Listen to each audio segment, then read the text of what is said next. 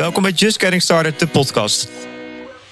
De podcast voor jonge bureauleiders, mede mogelijk gemaakt door Adformatie en de VIA. Mijn naam is Lars. En mijn naam is Daniel. En we zitten vandaag met Michon Tolman van Popcorn Stories. Nou, hele intro. Wat een intro, jongens. Jeetje, jongens. Hi Michon, goedemorgen. Hey, jongens. Goed om hier te zijn. Heel fijn dat je er bent, man. Ja. Kijk uit naar onze allereerste podcast. Zeker weten. Um, Michon, zou je kort voorstellen? Uh, Michon Tolman zei net al, uh, van storytelling agency Popcorn Stories. Um, Yes. Drie jaar geleden gestart, geloof ik. Drieënhalf alweer. Drieënhalf Ja. jaar geleden gestart. Prachtig kantoor in de Houthavens. Bij jou om de hoek, Lars. Bij mij om de hoek inderdaad. Mis ik nog iets?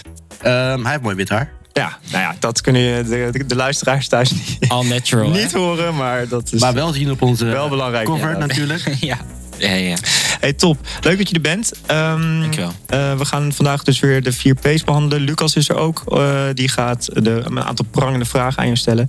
Eh, maar laten we starten met ehm, jouw founding story. Kan je kort vertellen hoe je Popcorn Stories bent eh, gestart? Zeker. Ehm, nou, ik denk dat het, eh, het begin van Popcorn Stories is denk ik ongeveer vier jaar geleden. Toen ik ehm, eh, nog een ander bedrijf had. Dat heette Saleskracht. En dat deed eigenlijk wat de naam zei. Eh, namelijk online campagnes ehm, uitzetten voor allerlei klanten om sales binnen te halen. En in 2018, in februari, overleed mijn vader aan zelfmoord. Dat was een vrij heftige Ja. gebeurtenis. Ja. En, en hij was eigenlijk al een hele tijd depressief. En een van de redenen was dat hij eigenlijk niet deed wat hij echt leuk vond in het leven. Ja. En er was een moment, weet ik, na die begrafenis, dat ik mezelf in de spiegel aankeek. En ik dacht van ja, ik vind eigenlijk ook helemaal niet leuk wat ik doe. Weet je, en het was mijn eigen bedrijf. Toen dacht ik van, ik moet gewoon iets anders doen. Eh, mijn toenmalige compagnon Pim heb ik toen gevraagd van, ehm, van hey, hoe sta jij erin? Eh, wat we, heb jij ook zin om met mij een nieuw avontuur aan te gaan? Eh, nou, dat had hij niet. Dus eh, zijn hart lag bij het sporten. Dus Ja. hij wilde eigenlijk iets anders doen. En toen ben ik eh, zelf Popcorn Stories gestart. Heb ik een aantal mensen vanuit Saleskracht mee kunnen nemen. Een aantal klanten ook meegenomen. En een aantal klanten ook laten vallen. En in september 2018 gingen we live met een hele toffe launch party. En ja, sindsdien zijn we gewoon goed op weg. En, en, en hoe wist je dan dat specifiek daar wel je hart lag? Nou, ik van oudsher of van, vanaf vroeger wilde ik eigenlijk altijd al gewoon verhalen vertellen. Ik ja. vond het ook al tof om verhalen op te schrijven. Ehm, dat was eigenlijk ook het enige wat ik echt leuk vond op school. Eh, verhalen schrijven. En, eh, en ik, heb, eh, ik had voor Sales had ik ook een beetje stage gelopen bij, een, bij het bureau van mijn oom. Dat was ook een reclamebureau. Oh, ja. die, die maakte dan afvalkalenders voor de gemeentes. Dat scheen vroeger hele goede business te zijn. En eh, ik probeerde die teksten altijd net even wat creatiever te maken. Die werden dan eigenlijk ook altijd gelijk weer afgeschoten.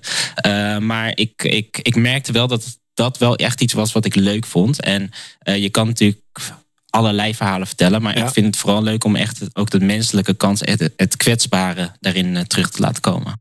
Even maar even voor de duidelijkheid. Je hebt dus eigenlijk ben je van eigenlijk een online marketingbureau. Ben je naar een videoproductie agency gegaan, hè? Ja. Eh, met Nou ja, relatief weinig ervaring. Dus je hebt eigenlijk een 180 gemaakt. Ja. Eh, de reden is duidelijk. Maar hoe, how de hel ga je zeg maar, zo'n 180 maken zonder die ervaring en zonder die case te hebben? Hoe heb je dat gedaan? Ja, dat is ehm, gewoon af en toe beloven dat je iets kan en het dan daarna wel waarmaken. Maar ehm, kijk, uiteindelijk werkten we wel met ervaren mensen. Dus het is eigenlijk ook learning on the job. Dus ik weet nog wel dat ik op een gegeven moment hadden we een eh, opdracht binnengesleept voor eh, Current, wat toen nog een energieleverancier was. Ehm, voor, en, voordat het samen ging met Green Choice. En toen moest ik iets regisseren, maar ik had het eigenlijk nog nooit gedaan. En toen had ik Giovanni van Bronckhorst voor mijn voor mijn camera. En die kwam totaal niet uit zijn woorden. Ja. Ehm, en toen heb ik eigenlijk gewoon heel even rustig gezegd... Giovanni, we gaan het gewoon één keer doen zonder dat de camera aanstaat. En dan eh, proberen het dan even. En toen ging het gewoon in één keer goed. Wat? Ehm, wat zei je? Ja, had. Ja. en toen dacht ik van ja, dit is wel... Ik kan gewoon... Ik wist wel dat van mezelf dat ik goed met mensen was. En dan kijk ik of die camera zelf niet te bedienen. Ehm, dus dat, dat was in die zin... eh, moet je ook gewoon af en toe ontdekken... dat je ergens goed in bent.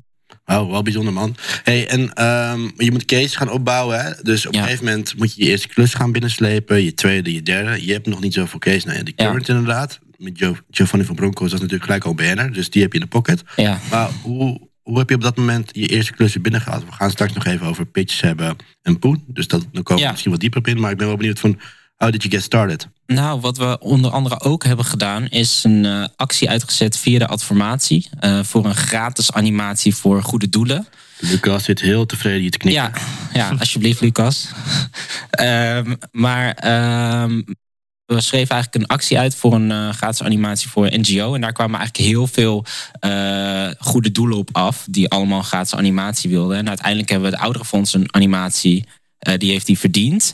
Maar daarnaast was het ook een lead generator voor andere goede doelen. En dat heeft eigenlijk ook weer toekomstige, andere toekomstige opdrachten opgeleverd. Ja, toch nog dat saleskracht DNA dus. Eigenlijk wel, dat eh, verdwijnt, dat zit er toch nog ergens in. Nice man. De eerste P van personeel. Ehm, allereerste vraag. Wat was je eerste hire in eh, Popcorn Stories? Eh, mijn eerste hire was een projectmanager. Gelijk de beste keuze volgens mij. Vind ik. Ja, en, maar het was eigenlijk alweer te laat. Want eh, we hadden, ik had natuurlijk wat mensen meegenomen vanuit eh, saleskracht ook. Dus ik was Ja. eigenlijk al zelf de projectmanager. Maar na een paar maanden kwam ik er wel achter dat sommige dingen gewoon niet meer te managen waren. Ja. En projectmanagen is niet mijn sterkste punt. Dus eh, dat was eh, de eerste hire. En. De beste hire. En je tweede dan? Tweede was designer. Designer. Ja. Ja. Logisch. Hey, die- je zegt dat je hebt mensen meegenomen vanuit saleskracht. Ja. Ehm, hoe, het is wel een hele andere organisatie. Dus ze gingen ook ineens heel wat anders doen. Wat, wat vonden ze daarvan? Eh, zij vond het eigenlijk heel erg leuk. Want er zaten gewoon best wel mensen die ook wel echt talent hadden. En Mhm. creatief talent.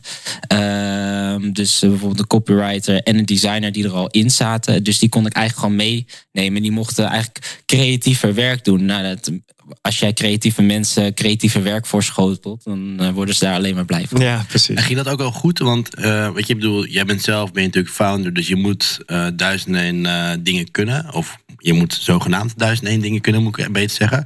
Maar van je eh, collega's kun je dat niet altijd verwachten. En zij moesten inderdaad wel een, ja, ik stel me zo voor, van social copy schrijver naar scriptschrijver worden. Ja. Ging dat altijd goed? Nee, nee, dat ging niet altijd goed.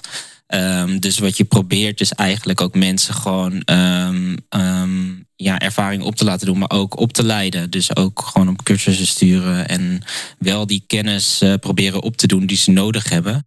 En weet je, toen we net begonnen hadden we ook nog niet zulke grote klanten dat het gelijk opviel. Weet je, je kan ook op een re- relatief lager niveau instappen. Dus dan valt, valt die onkunde Mm. nog niet zo op. Ja. Maar ja, ze- zodra de budgetten en de klanten groter worden, ja, dan moet je natuurlijk wel iets kunnen. Dus dat was eigenlijk ook mijn eerste doelstelling, is ook het personeel zo snel mogelijk bijscholen. Nice. Hey, en wat is nu de belangrijkste collega die je nu hebt zitten waarvan je zegt, ja, dat heeft ons echt een paar stappen vooruit geholpen? Die opstartfase, maar wat op een gegeven moment was een van je belangrijkste hires geweest? Ik denk dat eh, een paar jaar geleden ging, eh, vertrok eh, onze social eh, content creator naar Hammerfest. Ja. En toen hebben we eigenlijk echt iemand erbij genomen die dedicated voor video was. Echt een regisseur. En eh, nou ja, ik wil Frits niet te veel veer in zijn reet stoppen. Maar eh, hij heeft wel echt, eh, echt ons, onze kwaliteit en ons niveau echt next level gebracht. Ook omdat hij ervaring meenam van commercials schieten, Ja. scripts schrijven, ja. en creatief denken. Ja. En ook nog goed kon editen. Dus ja, dat is gewoon eh, dat is van onschatbare waarde, waarde inderdaad. Ja. Hey, een van de eh, hot topics nu is het eh, aantrekken van talent of überhaupt eigenlijk eh, personeel. Ehm, allereerst, heb je er moeite mee? Wij hebben er tot, tot op heden nog niet heel veel moeite mee gehad. Maar je merkt wel dat de kwaliteit heel erg verschillend is. Dus we krijgen vaak wel veel aanmeldingen. Ja. Ook denk ik omdat wij natuurlijk een bureau zijn wat voor maatschappelijk impact staat. Ja. Wat sowieso al wel wat extra mensen aantrekt. Alleen het is dan ook wel vaak mensen die vanuit de maatschappelijke hoek komen en denken van oh, ik wil ook wel eens een keer bij een bureau werken, weet je Ja. wel. Dus dat maakt het ook wel lastig om het kaf van het koren te scheiden. Dus als ik terugkijk, we hebben eh, in november een projectmanager aangenomen en er zaten eigenlijk maar twee mensen bij die echt gekwalificeerd waren voor die functie. En van de hoeveel aanmeldingen ongeveer, denk je? Nou, ik denk dat we 35 aanmeldingen hebben Ja, gehad. Dus-. Ja. Ik voor een projectmanager functie echt veel. Ja, het is veel, maar dan ook eigenlijk wel weinig gekwalificeerde mensen, als Ja. ik eerlijk ben. Want je, Lars, jij hebt laatst ook een uh, projectmanager aangenomen. Klopt. Een tijdje geleden. Hoeveel aanmeldingen had jij op die vacature? Ehm, ja, dat is lastig. Want wij hebben ook een recruiter opgezet. Dus dat, Nee. dat, dat, is denk ik niet helemaal te vergelijken. Nee, dat maakt het inderdaad lastig. Ja, ik merk dat je, je hebt natuurlijk een paar functies in dit vak, maar Mhm. gewoon, die gewoon heel schaars zijn. Ja. UX'ers, maar projectmanagers, account managers. Account. Dat zijn een Ja. paar van dat soort eh, ja, Ja. mensen die heel, heel schaars zijn. Ja, precies. Eh, ik weet nog wel dat wij inderdaad aan het recruiten waren voor. Nou ja, ik denk dat, je, dat we een handje vol hadden, wat ze max 10 of zo. Daar Ja. moet je dan selectie uit gaan maken uiteindelijk. Hey, en hoe, ehm, eh, hoe, hoe, hoe zet jij zo'n vacature uit? Is het gewoon ergens online zetten of wat doe je allemaal? LinkedIn, Instagram, eh, advertenties en Ja. eh, soms ook nog op Fontanel.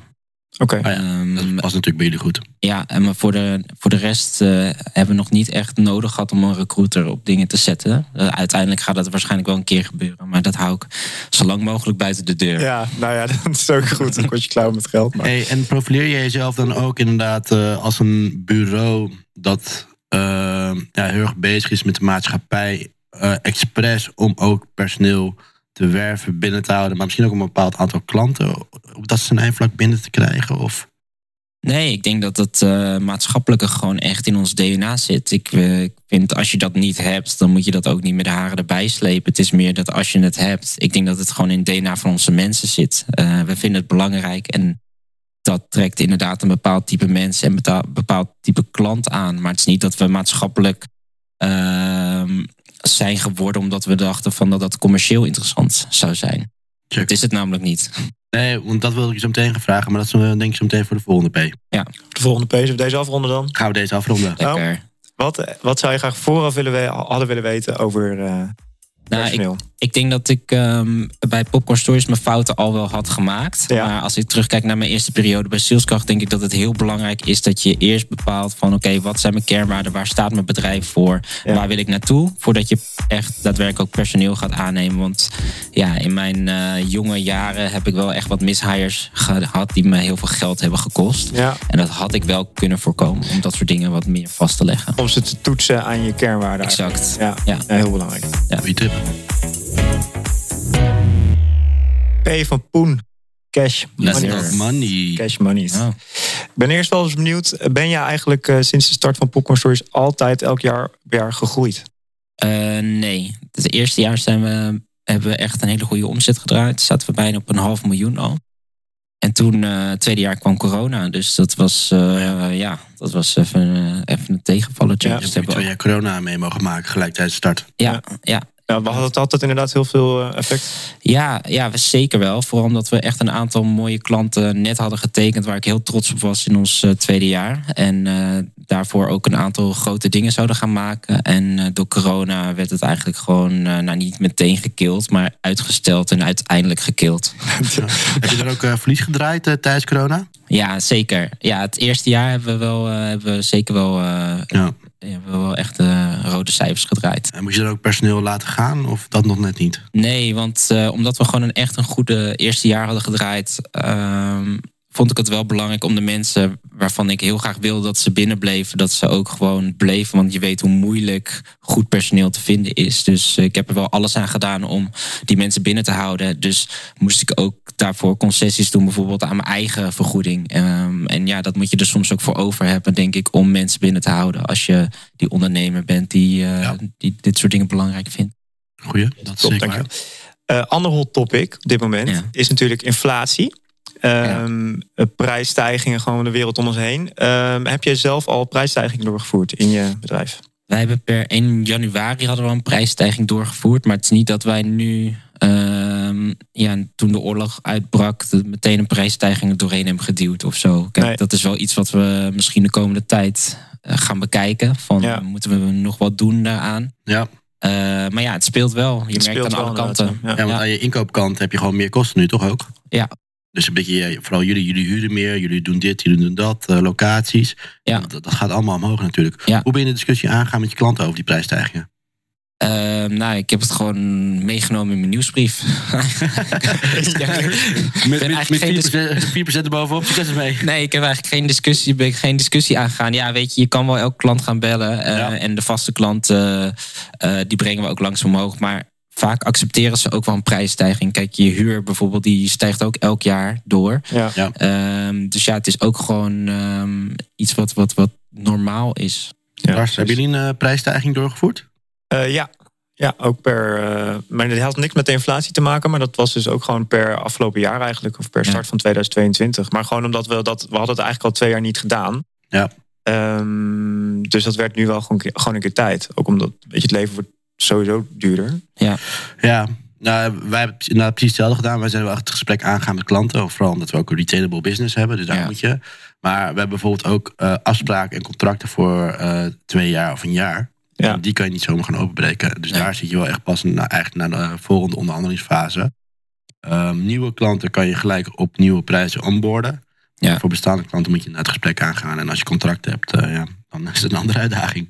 Ja, Nee, want dat, dat- is natuurlijk bij ons. Wij werken nauwelijks op retainers. Ja, dus we hebben wel een aantal vaste klanten waar we echt op jaarbasis voor werken. Maar- dat zijn er echt, die zijn er twee of drie. Ja, en, en hoe ga je dan om? Want, want ik kan me natuurlijk ook heel goed voorstellen, vaak krijg je een projectprijs of ik heb een budget van 50k, ik zeg maar wat. Ja. Dan zit je daar eigenlijk al in verwerkt. Maar eh, ben je er ook scherp op dat je, eh, want die budgetten zullen niet per se altijd groter zijn geworden. Dus Nee. dat betekent eigenlijk dat je nog steeds hetzelfde werk moet doen voor hetzelfde budget. Ben je daar wel scherp op?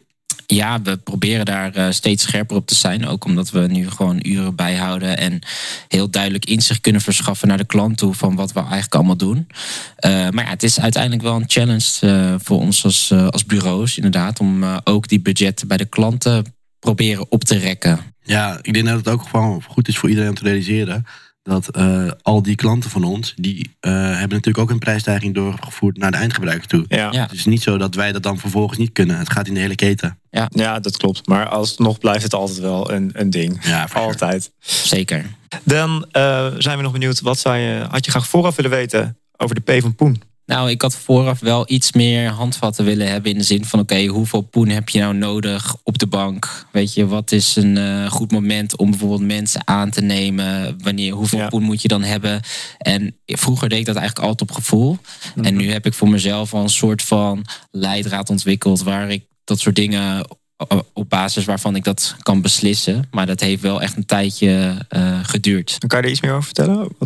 Nou, het is meer dat van. eh, kijk, vroeger had ik bijvoorbeeld heel veel geld op de rekening. omdat ik altijd bang was dat het eh, Ja. dat, dat leeg liep. En nu heb ik eigenlijk gewoon altijd maar drie maanden. En de rest, Ja. that's it. Eigenlijk. en dat is eigenlijk ook wel erg genoeg. En dat is ook gewoon ondernemen en wel risico nemen uiteindelijk. Exact. Dat is een beetje de standaard buffer, drie maanden. Ja, wij, hebben ook, wij hanteren ook die drie maanden ongeveer. En, Ja. eh, ik zeg niet dat je niet meer, natuurlijk meer is altijd beter. Ja. In die zin als kan, maar dan is het misschien ook wel een moment om te gaan investeren. Ja, precies. Al denk ik ook wel weer dat corona voor veel bureaus dingen overhoop heeft gegooid. Dus dan is het misschien ook wel weer fijn om juist meer op de rekening te hebben gehad. Ja. Maar wij blijven wel bij drie maanden. Ik, denk dat, ik vind dat zelf vrij keurig. En dan zit je ook niet stress of je vakantiegeld, salaris, eh you name it, kan betalen. En ja, het houdt je ook gewoon scherp, vind ik. Want op het moment dat jij eh, heel veel geld op de rekening hebt, dan denk je ook vanuit je nieuwe business, eh, maakt het ook misschien wat minder urgent. En op het moment dat je die drie maanden hebt, dan moet je ook gewoon op een gegeven moment gewoon wel weer aan de bak. Nou, dan is het eh, nu tijd voor onze rubriek van de adformatie van eh, Lucas. Dus eh, kom maar in. Hartstikke fijn, eh Michel, dat ik je een paar eh, prangende vragen Ja. mag stellen, zoals wij dat noemen. Ja. Ik heb even gedoken in jouw eh, carrièreverloop eigenlijk. En dat Mhm. vind ik wel heel interessant wat je allemaal voor Popcorn Stories hebt gedaan. Ja. Je hebt voor een nachtclub gewerkt, zelfs. R. Ja. Bij het AIDS-fonds heb je gezeten. Je hebt bij een stadsmagazine gezeten. Ja. Ja. ja, eigenlijk vier jaar geleden pas, zou ik maar zeggen, ben je met Popcorn Stories begonnen. Ja, kan ik je dan een laadbloeier noemen? Of, of was je nog heel erg zoekende? Of Nou, ik denk what, dat, what happened? Ja, dat is een goede vraag. Ik, ik zit daar ook wel af en toe wel over na te denken. Ik denk dat ik echt een laadbloeier ben Hmm. in die zin. Dat ik gewoon de hele tijd niet echt wist wat ik wilde. Vooral omdat ik heel veel dingen leuk vond. Hm, En ik heb een hele tijd bijvoorbeeld feestjes georganiseerd in Amsterdam. Ja. Waarin je toch in een soort van andere ritmes komt te zitten. Een, En- na- een nachtritme vooral. Ja. Ja. ja, exact. Ja. Ehm, en, en ja, ik wist gewoon de hele tijd niet per se waar mijn loopbaan naartoe ging. Hm, Eh, maar uiteindelijk eh, heb ik het gevoel dat ik nu wel thuis ben gekomen. ja, ja. En, en zit er wel een rode draad in, in, in al die dingen die je hebt gedaan? Want Ja, dat, dat is misschien het verhalen maken dan, denk ik. ja nou, het, dat, maar ook echt het, het, het ehm, echt het werken met mensen. Dat is eigenlijk wel, denk ik, ook de rode draad door mijn leven. En, en eh, als je feest organiseert, moet je namelijk ook heel veel socializen, Mm. promotie doen. Ja. Ehm, als ondernemer ook. Maar ook toen ik bij het AIDS-fonds werkte, bijvoorbeeld, als, de, als donateurwerver. Ja. Ja, dan moet je ook gewoon eigenlijk, eigenlijk is dat gewoon keiharde sales. ja, ja. Dus eh, dat is eigenlijk ook de interactie aangaan met mensen. Ga je nog wel eens uit? Eh, nou, sporadisch. Sporadisch, ja. Je hebt ook twee kleine kids natuurlijk, Ja. dus dat is dan ook eh, lastiger. ja, twee dochters. Dus Ja. ja, ja dat, nee, dat is, eh, lastig. dat is eh, herkenbaar. Ja. Ehm, Popcorn Stories maakt eh, rauwe klote verhalen, eh, lees ik op jullie website. Ehm, zi- zi- zien we die te weinig in, eh, eh, in reclame en marketing? Ik denk het wel. Ja, Ik denk dat eh, heel veel brands heel bang zijn om kwetsbaarheid te tonen. En ik denk daar zit juist het allermooiste. Weet Mm. je, als jij je op een andere manier kan opstellen, dat geeft juist heel erg aan van wie je bent. Mhm. En eh, ik schrijf bijvoorbeeld ook eh, af en toe een verhaal voor een ander ding. En dan moet ik ook mensen interviewen. En dan ga ik ook vaak ook even die andere interviews van die mensen lezen. ja, ja, En alle interviews zijn bijna hetzelfde. ja. Weet je wel? En dan ga ik toch eigenlijk op zoek naar iets anders. Iets wat iemand als mens typeert. Want anders kom je toch altijd weer een beetje op hetzelfde verhaal uit. En ik denk dat dat eigenlijk in reclameland te weinig gebeurt. We zijn veel heel erg gewend om maar eh, mooi weer te spelen. Mhm. En alles is perfect. Ja, terwijl en dat, dat is het natuurlijk niet. zo is de wereld niet. Want als je kijkt naar een aandachtswijk, zoals jij dat noemt, als Holendrecht... Ja, of eh, de Vogelbuurt in Amsterdam-Noord... ja, Ehm, jullie noemen dat aandachtswijken. Hè? Daar hebben jullie een mooie videoserie van, Ja. van gemaakt. Eh, andere mensen zouden zeggen eh, een probleemwijk of een achterstandswijk. Nou, jullie noemen dat aandachtswijk. Is een, een positieve insteek maken jullie daarvan. Ehm, ik vind dat ook hele rauwe en echte beelden die je daarin ziet. Ja. Eh, dat hebben jullie ook bewust zo gemaakt, neem ik aan. ja. Ja. moest echt gewoon rauw. En ook in de voice-over hebben daar ook niet alles is positief. Weet Ja. je? Want je mag ook best wel laten zien dat er een negatieve Ja. Kant nog is aan die buurt. Maar iedereen zet gewoon zijn schouders eronder om, dat een om er een betere plek van te maken. Dat ehm, eigen hart, woningcoöperatie, hebben jullie gevraagd dat te maken. Ja. Wat, wat, wat, wat, is hun, wat was nou hun doel daarmee met, met zo'n videoserie?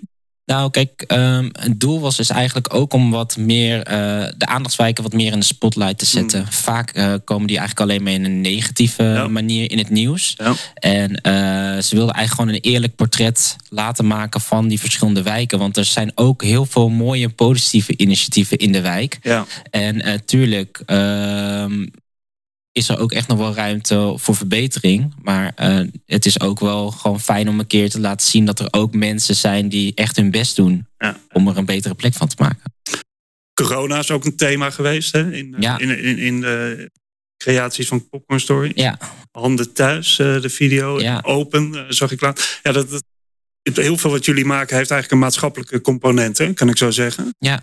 Ehm, zou je nou ook nooit eens een hele commerciële, eh, shiny, eh, bling bling eh, eh, creatie willen maken voor, eh, weet ik veel, Coca-Cola of McDonald's of zo? Stel, stel Nou. zij kloppen bij jou aan. Wat, wat, wat zou dan jouw antwoord zijn? ik denk niet dat zij bij ons aankloppen. Mhm. eh, maar ook al kloppen ze bij ons aan, Ja. dan vraag ik me af of, zij, of wij het juiste bureau zijn voor een Coca-Cola Eh, of een McDonald's. Ja, ja. ja, dus, ehm, ik Dus je denk zou het niet doen, zeg je eigenlijk. Nou, dat, dat, dat ga ik nu niet zeggen. Nee, nee, nee, nee. maar ik, ik, ik acht de kans niet groot dat, dat wij daarvoor gaan werken. Mm. Kijk, wij werken natuurlijk ook voor commerciële partijen... als bijvoorbeeld een HelloFresh... waar we ook wel mooie video's van kunnen maken. Maar die alignen veel meer met hetgeen waar wij voor staan. Dus eh, zij zijn bijvoorbeeld heel erg voor no food waste...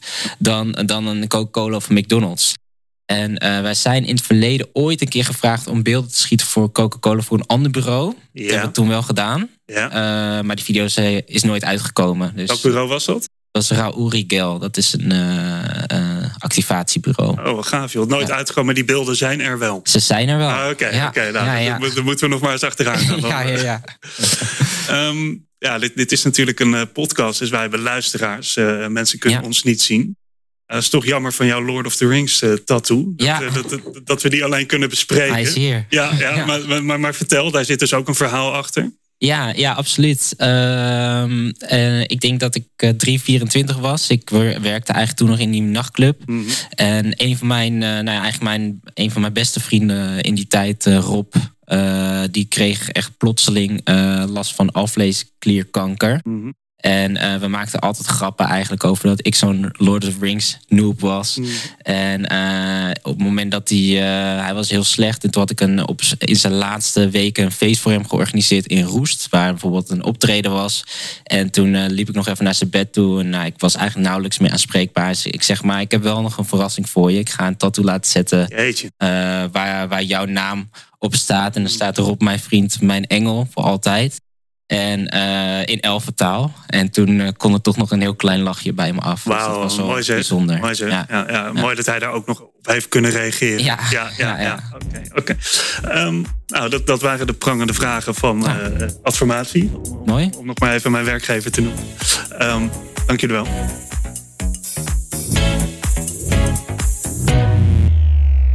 De P van pitches. Ik denk dat veel eh, reclamemensen er een eh, haat-liefdeverhouding mee hebben. For sure. Ehm, Absoluut. aan welke kant sta jij? Ik sta ergens in het midden. Een haat-liefdeverhouding dus.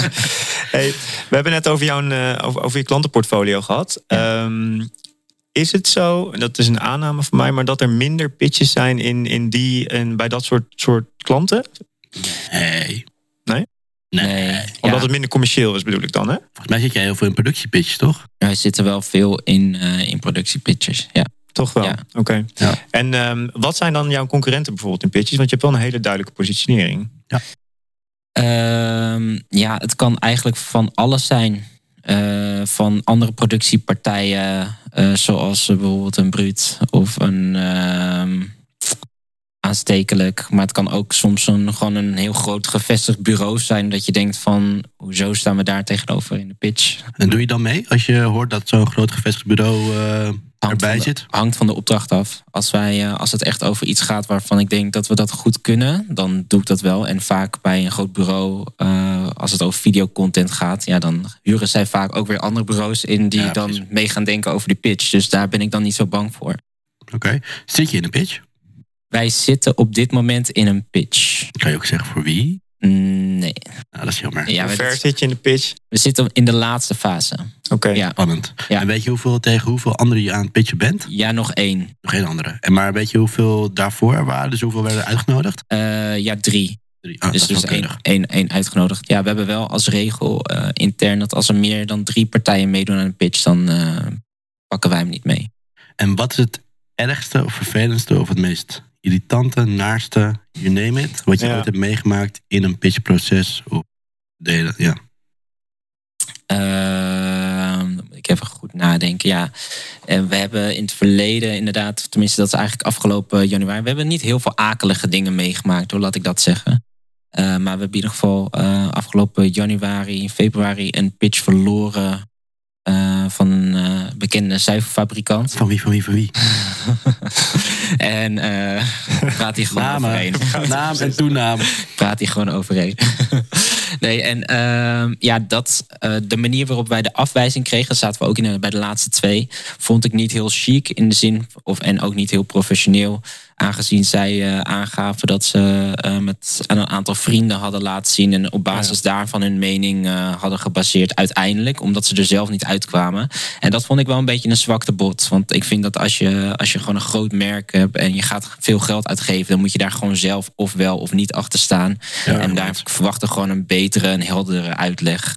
Ja, en dat was, hier kon ik niet heel veel mee. Lars, wat eh, is het ergste wat jij hebt meegemaakt bij een pitch? Ehm, ook even over nadenken.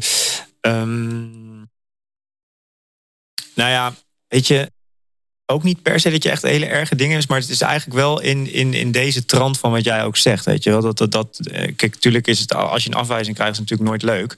Maar ehm, ik kan er nooit helemaal inkomen. is misschien ook wel een soort van je eigen arrogantie of zo. Of Ja. dat, dat je dan denkt van, ja, ik- Relativatievermogen. ja, het relativatievermogen mist dan op, eh, op, op zo'n moment, denk ik. Ja, maar als zij duidelijk aangeven wat je niet goed hebt gedaan of wat de andere partij beter heeft Ja, maar dat gedaan, mist dus wel. Daar kan ik Vaak, dan mee ja. leven. Ja. Ja, Maar als dat, feedback. Vraag je dat Ja. altijd eh, ik wel? vraag dat altijd. Ja, precies. Ik heb jullie advies nodig, jongens. Nou. Ehm, wij zijn uitgenodigd voor een pitch. Van wie? Eh, Van Niet wie? doen. Ja, dat kan ik dus niet zeggen. Ah, nee, Eh, inderdaad. Ja, hè? Ehm, maar eh, op zich een bijzondere pitch. Maar wat we vooral heel erg interessant vinden, en daar lopen we nu heel erg over te duppen. Ze willen een creatief idee hebben. Ze willen drie creatieve ideeën hebben. Ja. Eh, de winnaar wint. Maar de productie gaan ze zelf doen. En we hebben daar Oh. een groot, eh, grote wow. partij waar veel geld in omgaat.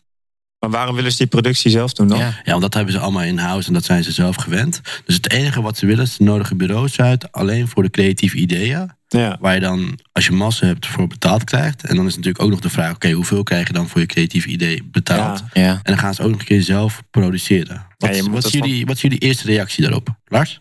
Ehm, dat je het van tevoren heel goed moet afstemmen. In ieder geval wat je ervoor betaald gaat krijgen. En ik zou er zo- sowieso, kijk. Zou hier een pitchvergoeding tegenover moeten staan? Dat denk ik ten eerste, want je gaat je ideeën presenteren. En als, er dan, da- als zij daar wat mee willen, ook al, ook al als ze het horen, dan, dan weten ze het, laat ik het zo zeggen. Ja, die is dus niet. Die is er niet. Geen pitchvergoeding. Geen pitchvergoeding.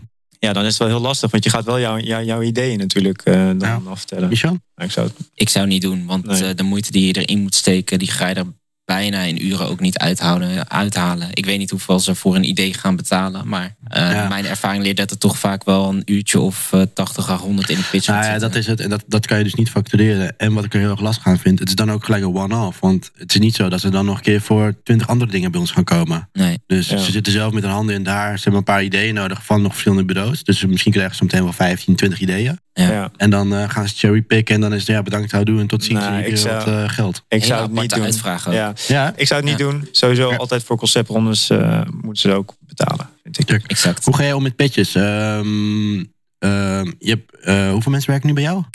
We zijn nu met z'n eh, negenen. Nee, nou, het heeft, een pitch heeft best wel veel impact op je organisatie natuurlijk. Ja.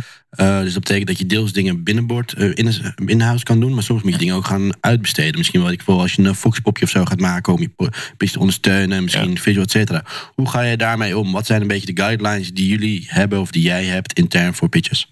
Nou, ik denk dat wij wel ehm, bijna alles echt zelf kunnen fixen. Dus dat scheelt. Ehm, maar ja, inderdaad, eh, het is wel lastig af en toe om die tijd te maken. Dus we doen eigenlijk ook alleen maar pitches als we er ook echt tijd voor hebben. Ja. Ehm, en dat is vooral Q1.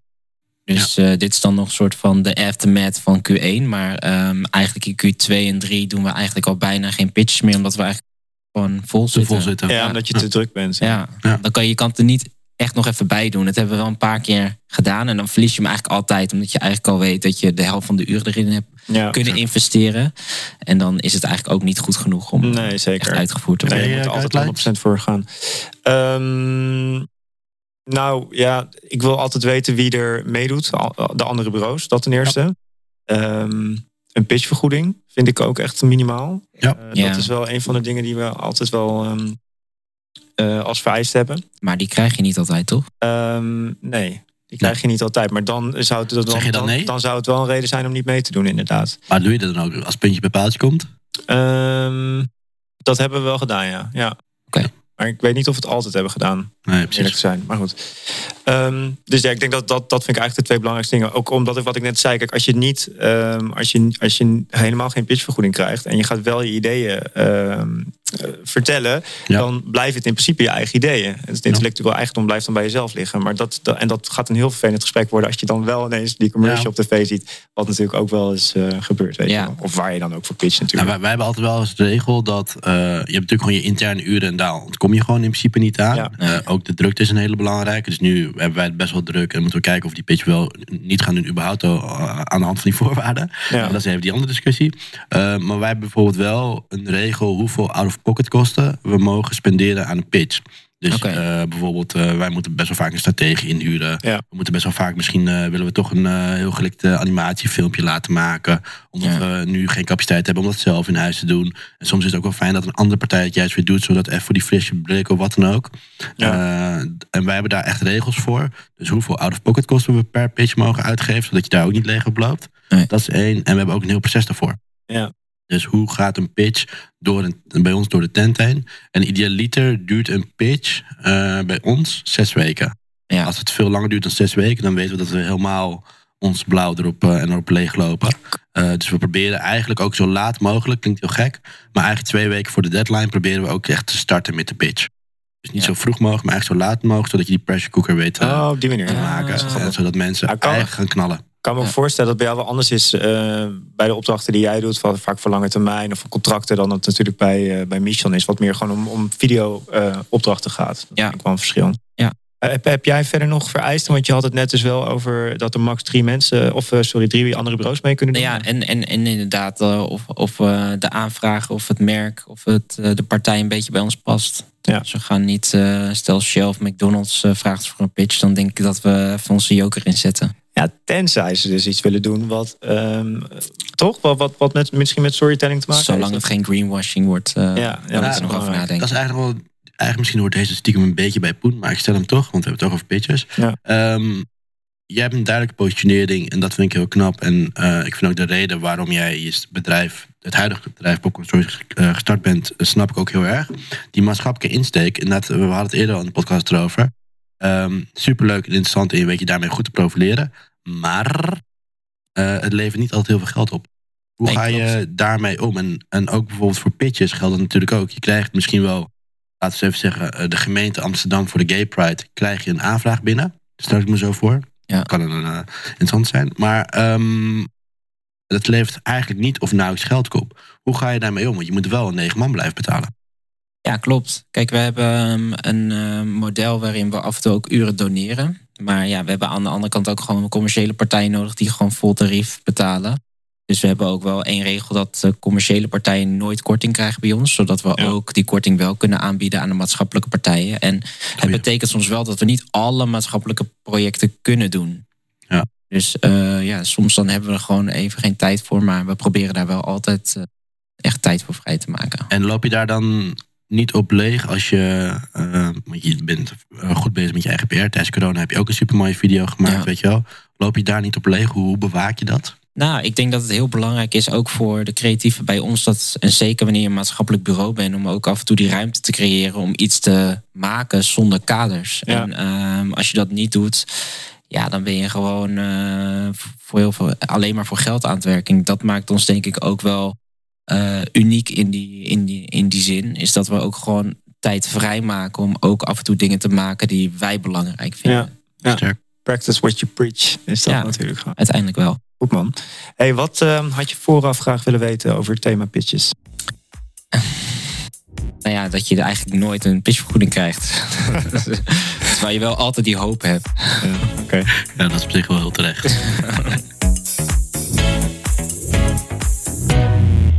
P van proces. De laatste Ehm, de laatste inderdaad alweer. Ehm, eh, zou jij zeggen dat jij je processen goed op orde hebt? Oh nee, dat zou ik niet eh, willen beweren. Het is altijd nog ruimte voor eh, betere processen. Ja. Toevallig laatste kwartaalmeeting gehad, waarin we er eigenlijk achter kwamen dat we nog ons pro- processen nog wel wat strakker in moeten richten. En waar Ja. zit het dan in? Ja, het gaat gewoon omdat zeker ehm, eh, bijvoorbeeld video's kunnen zo complex zijn dat eh, de processen eigenlijk eh, ja, nog ingewikkelder worden. Dus eh, je moet eigenlijk elke keer ehm, ga je weer met nieuwe dingen werken of komen er nieuwe dingen bij kijken die je eigenlijk nog nooit hebt gedaan. Dus die moet je dan weer eigenlijk ook weer eh, wat, wat eh, in je proces op gaan nemen aan het begin. En hoe zorg je ervoor dat de klanten zich aan jouw proces blijven houden? Oh ja. Ja, dat is een goede vraag. Ja, daar hebben we gewoon een hele goede projectmanager voor, die ze eigenlijk gewoon door het proces heen trekt. Ja, precies. En eh, we, hebben- we dealen natuurlijk ook eh, af en toe met uneducated customers. En daar is het heel belangrijk, merk ik, om ze van tevoren het proces uit te leggen. Daarna eigenlijk bij elke stap echt stapje voor stapje erin mee te nemen. Eh, want ja, voor heel veel van dat soort mensen is het gewoon de eerste keer. En ehm, als een klant een stapje terug wil doen in het proces of van het proces zegt van nou, dit hadden we in die fase al afgestemd, hoe ga je daar dan mee om? Ik snap dat Ehm. projectmanager daar nog steeds een eh, zware dobber aan heeft, maar eh, op een gegeven moment wordt het doorgeëscaleerd. Ja, het is meer dat wij dat eigenlijk altijd doen. Dat we eigenlijk al zeggen dat we al iets eerder hadden afgestemd. Het is vaak, vaak de klant die eigenlijk uiteindelijk nog zegt van... hé, hey, eh, we hebben al storyboard gemaakt, laten we nog eh, de voice-over veranderen, weet je wel. Dus, Ja, precies. en dat is denk ik het lastige om daarmee om te gaan. En eh, daar hebben we gewoon hele duidelijke afspraken over... die we van tevoren eigenlijk al met ze bespreken. Dus eh, ja, als je weer teruggaat in het proces, dan kost het ook weer uren. En begroot je vaak bij als ze daarvan afwijken? Ja. Dat doe je wel consequent. Ja, zeker nu we een tool hebben die dat eh, een stuk makkelijker maakt. Ja. Oké. En je, je hebt een tool voor projectmanagement en allemaal inzicht te krijgen. Projectmanagement en uren schrijven. Ja. Oké. Nice. En eh, wa- wat heeft zo'n tool je uiteindelijk gebracht dan? Ehm, nou, dat we veel meer inzicht eh, hebben in hoeveel tijd we aan een bepaald project spenderen. En ook heel makkelijk bij de klant eh, kunnen uitleveren van wat we hebben gedaan. Dus soms hebben hadden we vroeger schreven we ook wel uren, maar meer een soort van met de natte vinger. En nu is het gewoon heel eenvoudig. We draaien Excel uit van dit hebben we precies gedaan op de kwartier Ja. eh, na. En dat vinden klanten ook wel fijn. En dat geeft ze ook meteen een soort van eh, eh, beter beeld van wat wij allemaal voor ze hebben gedaan. En hoeveel dagen we wel niet bezig zijn voor een bepaald project. En doe je dat uren uitdraaien altijd bij elk project? Zeg maar ook met vaste prijs? Of? Nee, alleen als, alleen echt, eh, als mensen er echt om vragen. Ja, precies. Ja. En- en- heb je vaak eh, dat je uitloopt? Dus dat het hoger wordt dan je begroot? Ja. Ja, eigenlijk altijd hè? Ja, het is vooral met video is vaak dan toch, je spreekt een aantal deliverables af en dan eh, aan het eind willen mensen toch nog iets meer of eh, toch nog een extra versie voor eh, social of Ja. toch nog een bumpertje voor dit. Dus het Maar is die, vaak die moet je bijbegroten eigenlijk, toch? Ja. Nou, die, dat zijn extra assets inderdaad. Ja. Dus dan, wat dat betreft loop je dan niet uit, toch? Nou ja, het, het, of het, kan, het kunnen verschillende eh, dingen zijn die ze dan van tevoren toch niet. Ze willen nog een extra edit. Dus het is inderdaad. Hey, kan je eens eh, even kort opzommen van welke tooling jij gebruik maakt en wat het doel daarvan is? Een handige tip misschien voor de luisteraars. Ja. Eh, wij maken gebruik van Monday. Dat is echt projectmanagement eh, software. Simplicate. uren schrijven. Boards. Voor storyboard. Studio Binder. Voor scripts. props. En allemaal dat soort dingen. En dan hebben we nog allemaal creatieve software voor de designers. Maar dat zijn denk ik wel de vier tools die we het meest gebruiken. En boekhouden? Eh, ja, exact. Ja, Ja, en dat is Slack natuurlijk. En Slack. Voor interne Ja. communicatie. Ja, precies. Wat, is, wat was die voor, voor storyboard en props? Kijk. Boards. Eh, boards was voor storyboard. Dus echt voor onze designers voor animaties of voor video. Dus dat is gewoon eh, software waar ze in schetsen en waar ook de voice-over in komt te staan. Zodat de klant eigenlijk een veel beter beeld heeft Ja. van wat er, hoe dingen eruit komen te zien. En eh, wat zijn nou... eh, Lars wil even Nee, je had het over noteren. props. Had je, oh, zei je Stu- toch? Studio Binder. Ja, Wat is dat voor iets? Ik heb het nooit gehoord. Nou, dat is gewoon eigenlijk echt een videotool waar je echt call sheets, eh, alles wat Oh, met wat video cool. te maken heeft, kan je daarin in verwerken. heel, heel druk noteren. Wat heb je geleerd? Ja, precies. Nee, en wat, wat vooral heel handig daaraan is, is dat je ook bijvoorbeeld iedereen die op de lijst staat op een call sheet, kan je gewoon ehm, aanwezig laten klikken, zodat je weet dat ze, ze moeten confirmen. Hmm. Dat is wel fijn. En ook je extra's en dat soort dingen. Ja. Dus, Oh, dat is een goeie. Nou, Ja. Die ga ik ook even erin eh, gooien. Wat had je graag vooraf willen weten over het thema proces? Nou, dat het in ieder geval heel belangrijk is dat je snel een projectmanager aantrekt. En ook ehm, dat je proces zo, zo lean en, en duidelijk mogelijk inricht voor klanten. Want dat is toch hetgene waar je op wordt afgerekend, uiteindelijk proces. Heb, heb je dat zo'n, als je dat zegt, hè, heb je dan ehm, dat ook in je offerte bijvoorbeeld al staan van we gaan deze stappen doorlopen? Of, Ja, we hebben het hele proces in de offerte staan. En via- voor video, animatie, campagne of wat dan ook. ja, Hebben we alles eh, visueel en in tekst. Want ja. eigenlijk lezen klanten vaak niet. Die bladeren gelijk door naar de prijs. Maar Ja. zo'n plaatje, dat willen ze dan nog wel eens dat eh, willen gaan ze dan nog wel toenemen. Ja. Dus dat gaat er eigenlijk altijd volgens het, dezelfde, hetzelfde stramien, zeg maar. Yes.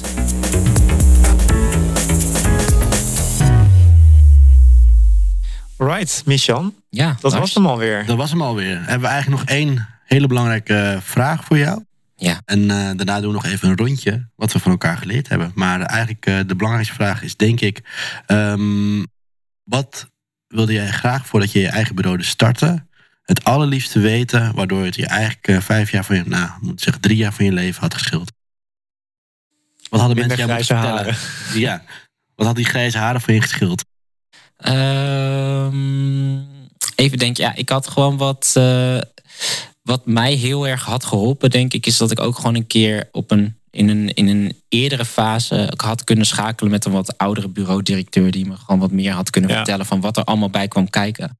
Want het is zoveel. Je denkt, ik ga leuk een bureautje oprichten. Ja. Komt goed. Maar uiteindelijk ben je echt van alles en nog wat aan het managen. Ja. En daar, is, daar verkijken denk ik heel veel mensen zich op.